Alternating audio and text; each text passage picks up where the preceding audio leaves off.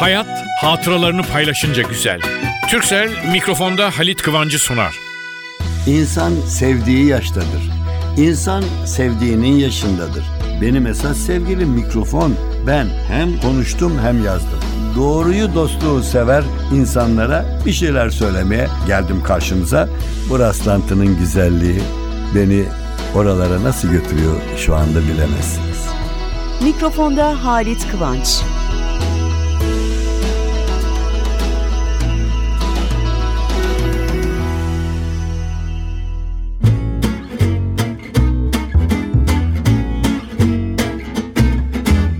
Merhaba sevgili dostlar. Sizlere seslenmek ne kadar güzel.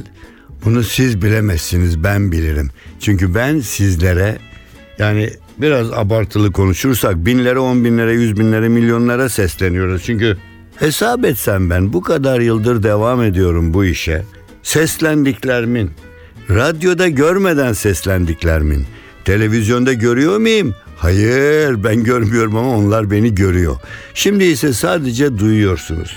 Kulaktan kalbe gitmek size bir şey itiraf edeyim mi? Daha kolay. Çünkü gözünüz kapalı bir şey dinliyorsunuz.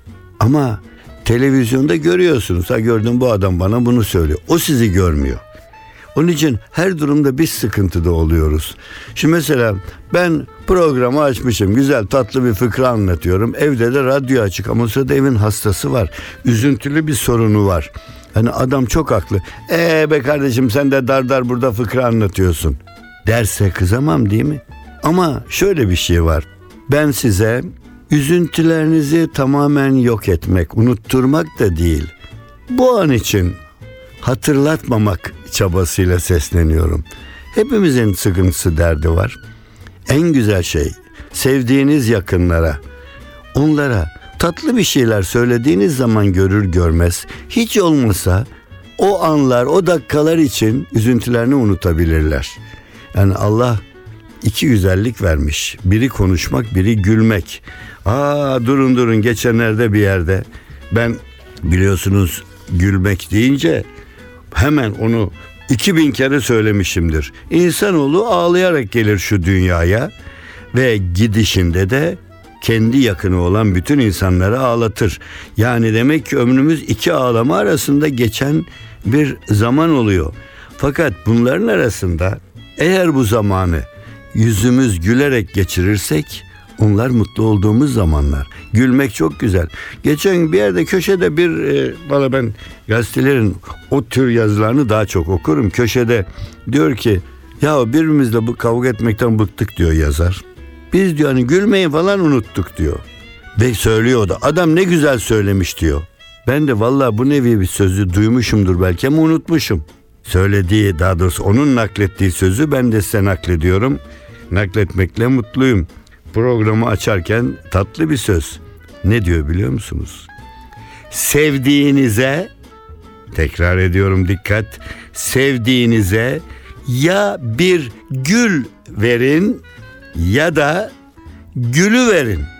Sevdiğinize ya bir gül verin ya da gülü verin. Gülmek o kadar güzel bir şey. Onun için her zaman söylerim ben. Yani güne gülerek başlamak, dostlara gülerek seslenmek. Yani çok büyük sıkıntılı bir olay var.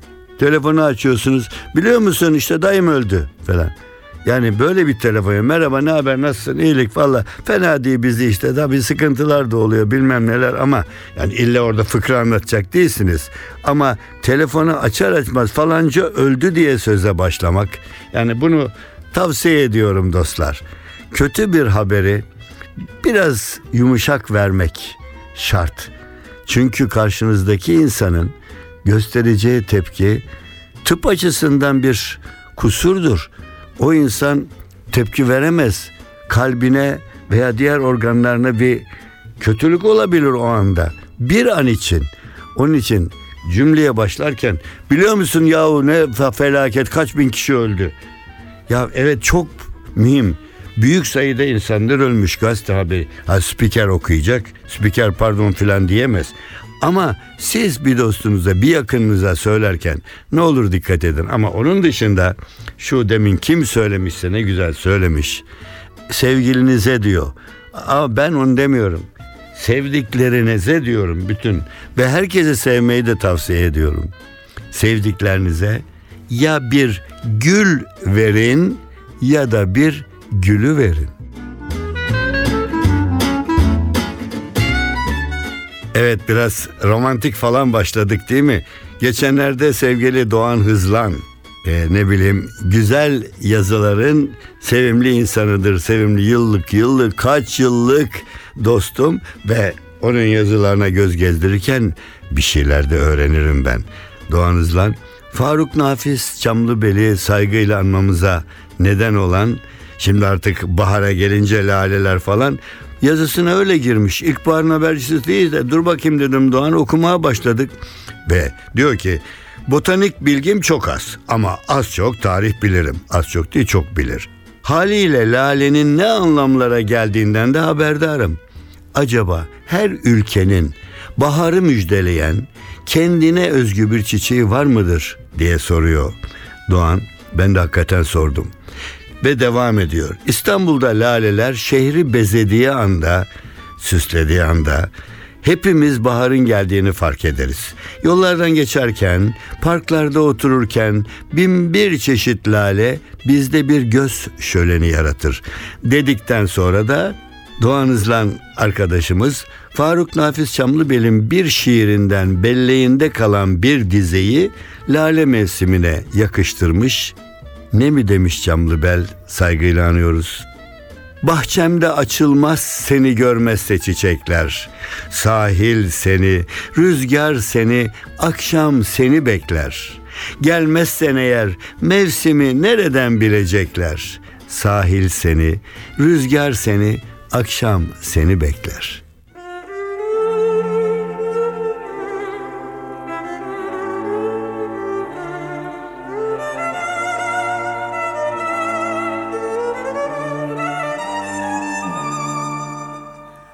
Havasına, suyuna, taşına, toprağına.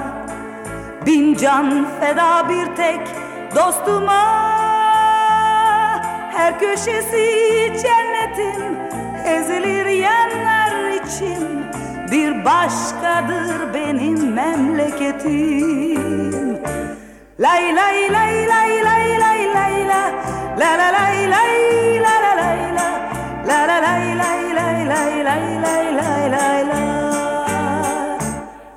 Anadolu bir yanda Yiğit yaşar koynunda. Aşıklar destan yazar dağlarda. Kuzusuna kurduna Yunus'una Emrah'a. Bütün alem kurban benim yurduma Lay lay lay lay lay lay lay la la la lay lay la la lay la la lay lay lay lay lay lay lay lay la Mecnun'a Leyla'sına erişilmez sırrına Sen dost ararsan koş Mevlana'ya Yeniden doğdum dersin Derya gidersin Bir başkadır benim memleketim NTV Radyo Lay lay lay lay lay lay lay la La la lay lay la la lay La la lay lay lay lay lay lay lay lay la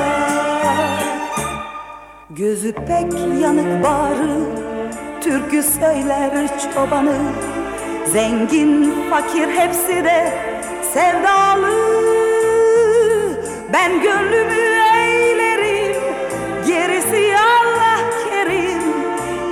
başkadır benim memleketim Lay lay lay lay lay lay lay la La la lay lay la la lay la La la lay lay lay lay lay lay lay lay la Bir başkadır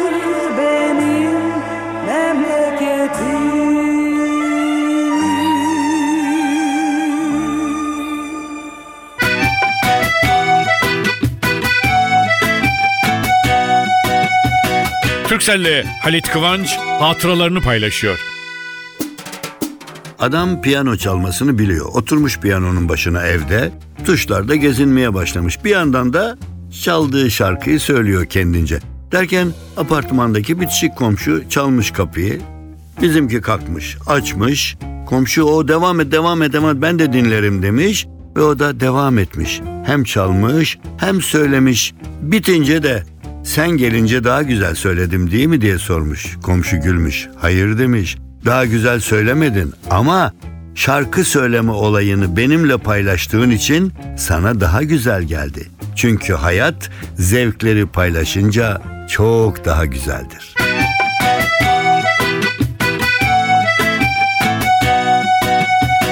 Türkcell'le Halit Kıvanç hatıralarını paylaştı.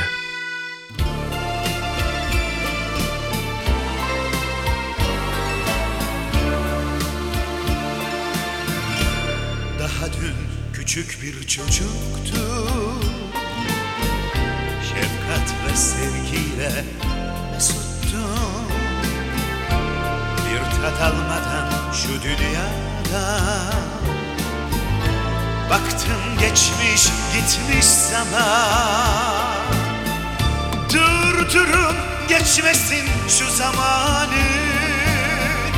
Durdurun geçmesin şu saatler. O kadar hızlı akıp gitmiş. Rüzgar gibi saadetler NTV Radyo vakit varken Kalbim yeni bir aşkı ararken.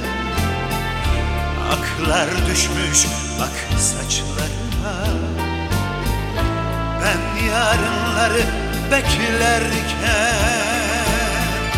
Durdurun geçmesin şu zamanı. Durdurun geçmesin şu saatler O kadar hızlı akıp gitmiş Rüzgar gibi saadetler geçmesin şu mevsimler Mahvetti koşan şu saatler Hayat hatıralarını paylaşınca güzel. Türkcell'in sunduğu mikrofonda Halit Kıvanç devam ediyor.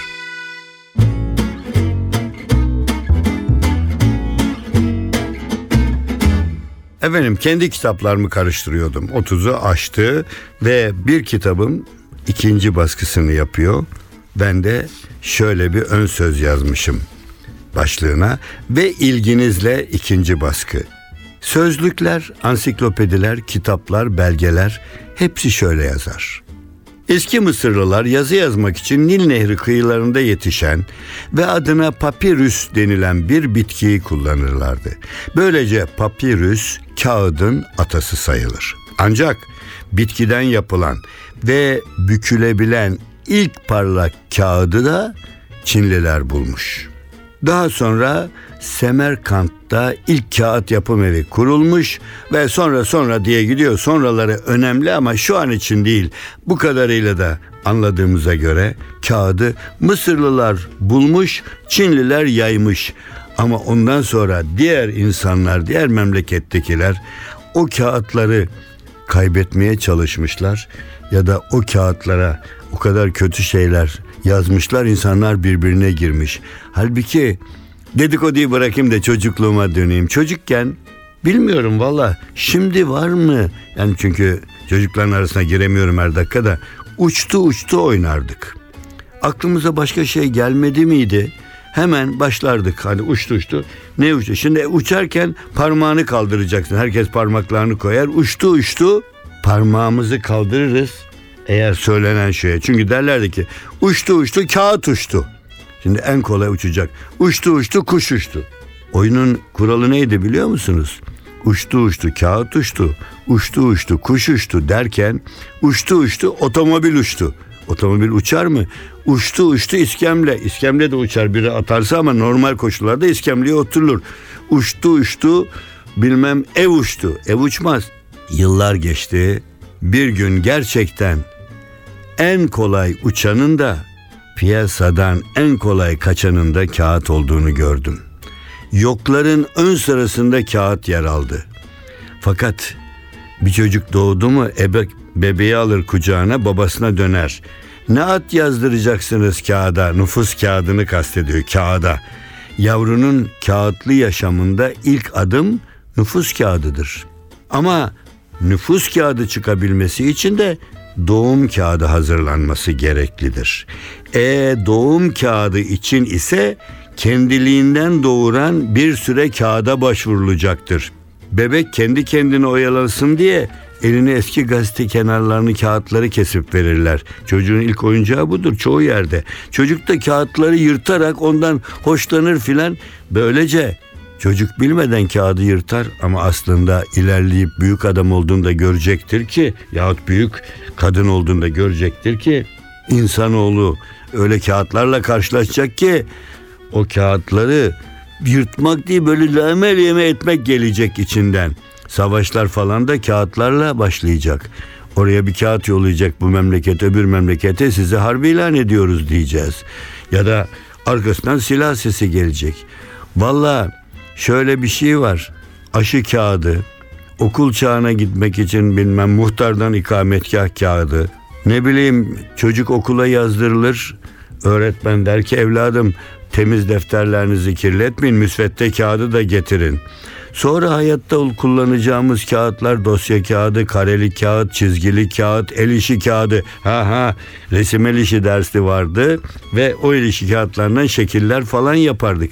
Valla şimdi pek ilkokulları filan takip edemediğim için bilmiyorum. Yakınlarımız arasında da küçük çocuklar var. Valla biz küçük çocukken el işi kağıtlarından bir şey yapardık. Şimdi çok yakın akrabadan torun var. 13-14 aylık. E çocuk kağıda filan lüzum yok. Televizyonu açıp kapayıp istasyon bile değiştirebiliyor. Televizyon çocuklarıyla yaşıyoruz artık. Bizim gibi kağıt çocuğu değil. Ama bizim devrimizde kağıdı alıp çizerdik. Resim kağıdı aa bu ressam olacak derlerdi. Fotoğrafa merak sarardık fotoğraf kağıdı. Müzik aşığı isek nota kağıdı. Hiç bilmez bir nota kağıdı boş nota kağıdını alıp ben çalgıcı olacağım diye ortaya gezerdik biz çocukken. Valla resmi seven hemen üstüne bir şeyler çizer resim kağıdı. Yani ne bileyim lise biter, üniversiteye gitmek, iş bulmak için sağa sola başvurmak hepsinde müracaat kağıdı doldurulur. Hayatımızın kağıtta geçtiğinin farkındasınız. Bazı yere gidersiniz bir de iyi hal kağıdı isterler. Yani adamın yüzüne ben onu diyorum.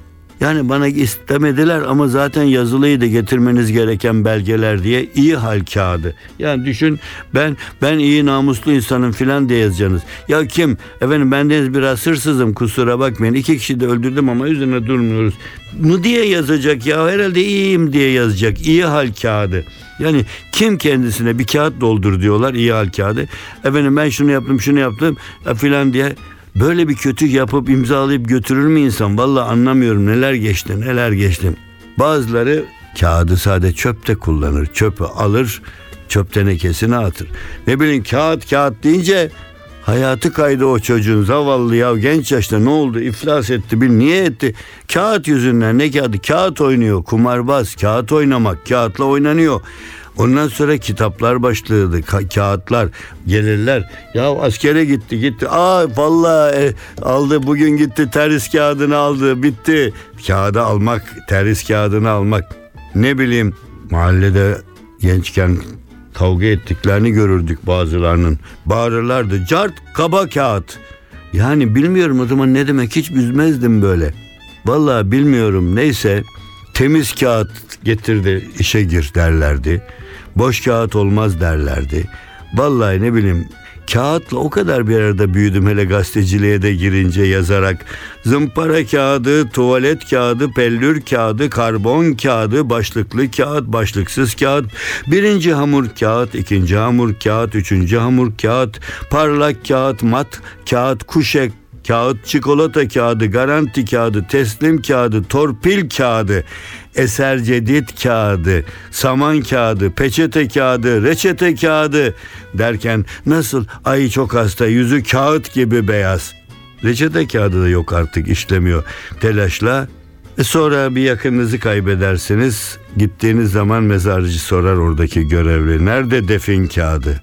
Yani kağıtla doğup kağıtla yaşayıp kağıtla gidiyoruz. Ama ben o tarafına bakmıyorum. Kağıt benim hayatımda. Beni hayata atan madde. Kağıdın üzerine yazılar, çiziler yapıyordum. O suretle mizah yazarak o tarafa gittik. Ondan sunuculuk doğdu. Kağıt yazarak kitaplar yazdık. Ya kağıt ne kadar çok hakimmiş. Çünkü en azından para yani bana 10 lira 20 lira vereceğim diye evladım 10 kağıt eder bu 10 kağıt ver satın al.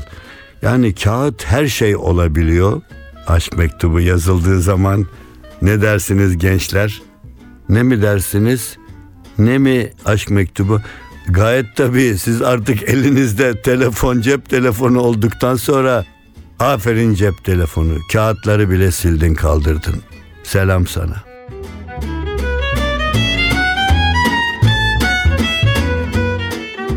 Ee, programı kapatıyoruz artık bu haftalık. Haftaya yine buluşuncaya kadar hoşçakalın demeden önce benim o mini mini dev sözler dosyamı açayım bakayım neler gelecek oradan. Hemen hemen baştan okumaya başlıyorum. Bana soruyorlar. Bunları bir hızlı söylüyorsunuz. Gayet de ben yine tekrar ederim. Merak etmeyin. Çalışkan bir insan için en büyük ceza neymiş biliyor musunuz? Çalışkan bir insan için en büyük ceza işsizliktir demiş diyen doğru da demiş. Astronot yurt dışına seyahate gittiğinde karısını hediye getirmek zorunda olmayan erkektir. Uzaya giden ne getirecek kendini getirse kafi. Peki nezaket neymiş? Nezaket ağzını açmadan esnemesini bilme sanatı.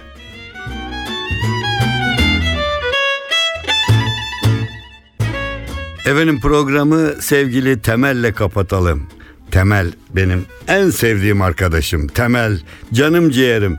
Sevgili Temel sandviççi dükkanı açmış. Bir dükkan envai çeşit sandviç en güzel yapıyor ve her istediğiniz sandviç yapılır diye de kocaman kuyrukta bekliyor millet fakat bir müşteri girmiş. Temel Bey siz misiniz? Ha benim demiş onun üzerine. Bana demiş bir sandviç lütfen. Yalnız şey, şey, e, şeyli olacak. Yuvarlak bir ekmek diliminin üstüne yürek şeklinde beyaz peynir koyacaksınız. Sonra ikinci bir ekmek dilimini üçgen şeklinde keseceksiniz. Üstüne tereyağıyla hardal süreceksiniz. Sonra dört köşe kesilmiş kızarmış bir dilim ekmeğe Roquefort peyniriyle ayva reçeli süreceksiniz. Kalın bir dilim çavdar ekmeğine de domates salçası ve zeytin ezmesi koyacaksınız. Gravyer peynirini sürdüğünüz ekmeğin ise kenarları böyle tırtıllı kesilecek.